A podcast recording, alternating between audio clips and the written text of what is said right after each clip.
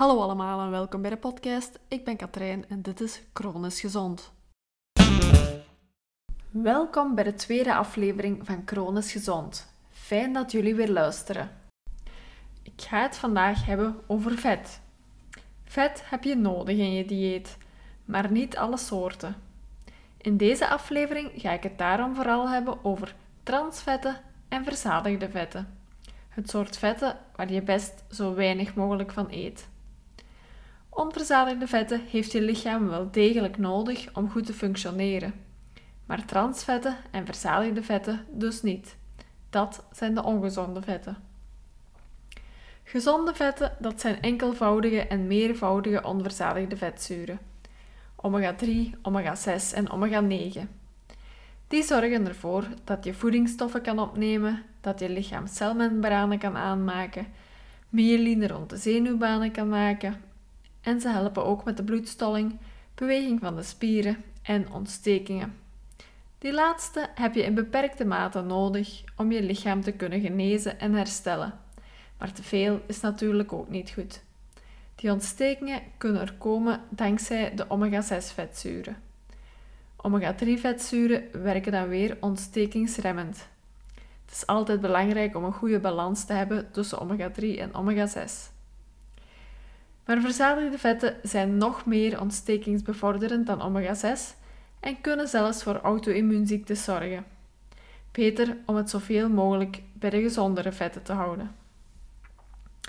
Verzadigde vetten komen van nature heel veel voor in vlees en zuivel. Maar ze zitten ook in planten. Gelukkig komen ze daar meestal maar in hele kleine hoeveelheden voor. Behalve bij pinda's, cacaoboter, kokos en palmolie. Dat zijn de echte verzadigde vetpommetjes. Ja, die kokosolie is echt niet zo gezond als je zou vermoeden. Je kan verzadigde vetten makkelijk herkennen op de verpakking van voedingsmiddelen. Ze staan altijd apart vermeld bij de voedingswaarde. Je kan ze nooit helemaal vermijden, maar beperk ze zoveel als mogelijk. Niet meer dan 22 gram per dag voor vrouwen en niet meer dan 28 gram voor mannen. Maar minder is beter. Transvetten zitten in industrieel gehydrogeneerde oliën. Die zitten bijvoorbeeld in margarines. Ze zijn ooit ontwikkeld omdat ze ervoor zorgden dat de vetten niet ranzig werden. Je kan ze herkennen op de verpakking als er staat dat ze gehydrogeneerde olie bevatten. Maar dat is meestal veel minder opvallend dan bij de verzadigde vetzuren. Europa heeft gelukkig wel al bepaald dat transvetten nooit meer dan 2% van de vetten mogen bedragen. En dan de grote valkuil. Je kan ze ook per ongeluk zelf maken. Door olie te heet te laten worden als je bijvoorbeeld frituurt of bakt in een hete pan. Je verandert daarmee de moleculaire samenstelling van het vet. Dat is de reden waarom ik zelf geen gefrituurde dingen meer eet en ik zal ook nooit meer olie verhitten in de pan. Maar je kan deze vetten dus in principe wel volledig vermijden. Maar waarom zou ik die slechte vetten nu moeten vermijden? Wel, ze zijn slecht voor de gezondheid. Transvetten moet iedereen gewoon sowieso proberen te vermijden, want dat is enorm ongezond. Er is geen enkel ander macronutriënt dat zo slecht is voor het risico op hart- en vaatziekten. En hart- en vaatziektes zijn nog altijd doodsoorzaak nummer 1 in de westerse wereld. En niet alleen transvetten hebben een slechte invloed op hart- en bloedvaten, ook die andere slechte vetten, verzadigde vetzuren, zijn nefast.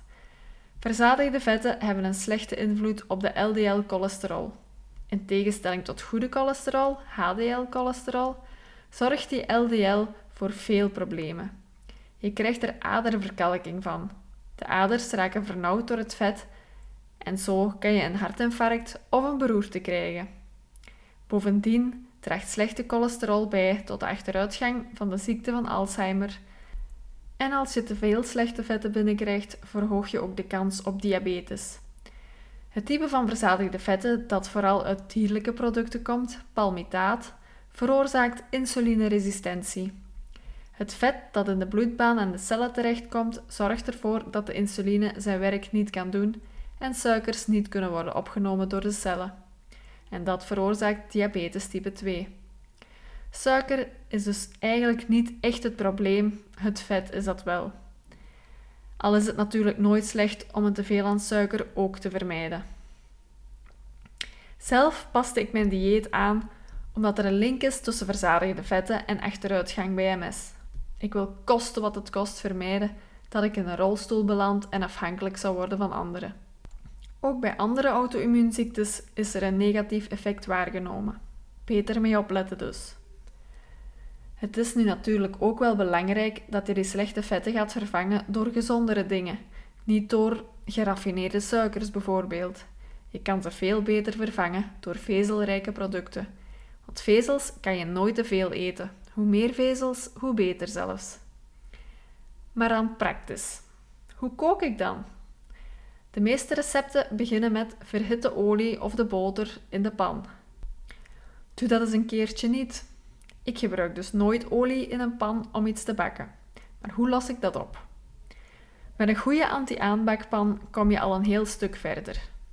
Verder kan je ook veel dingen bakken met een scheutje water of vetvrij groentebouillon. Het is in het begin een beetje wennen omdat het misschien ietsje langer moet bakken, maar je wordt al snel genoeg gewend. Het is ook gewoon lekker. En als je de smaak van olie echt mist, kan je achteraf gerust wat gezonde olie toevoegen bij het serveren. Dat is veel gezonder omdat je de structuur van de vetten niet verandert door de hitte. Gezonde vetten blijven gezonde vetten. Ik doe bijvoorbeeld regelmatig achteraf een scheutje lijnzaadolie over mijn eten, omdat die het meeste omega-3 bevat. Maar die mag dus echt niet te heet worden om alle goede eigenschappen te bewaren. Ik steek ook sneller iets in de oven dan vroeger. In de oven kan ik wel een beetje extra vierge olijfolie gebruiken. Dat kan omdat olijfolie wel een beetje warmte kan verdragen, dankzij de enkelvoudig onverzadigde vetten. En omdat je in de oven niet met directe hitte werkt, zoals in een pan. Je kan bijvoorbeeld je hand makkelijk in een oven van 180 graden steken zonder je te verbranden. En probeer dan je hand maar eens te leggen in een pan die op het vuur staat. Dat doe je geen tweede keer. Dat is dus eigenlijk het verschil tussen directe en indirecte hitte. Maar met lijnzaadolie, waar ik het net nog over had, mag je dat dus niet doen.